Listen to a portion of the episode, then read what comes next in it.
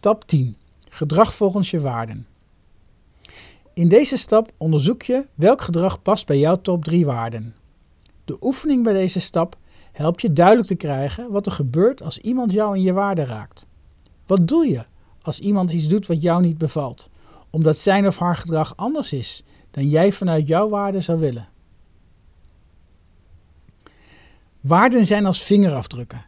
Niemand heeft diezelfde en je laat ze achter bij alles wat je doet. Thomas Welle heeft een aantal belangrijke waarden in zijn leven en hij heeft een bijzondere manier gevonden om die te laten zien. In de video zag je hoe Thomas Welle dagelijks mensen helpt die met pech langs de snelweg stranden.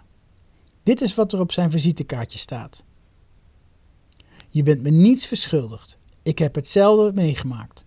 Iemand heeft me ooit net zo geholpen als ik jou nu help.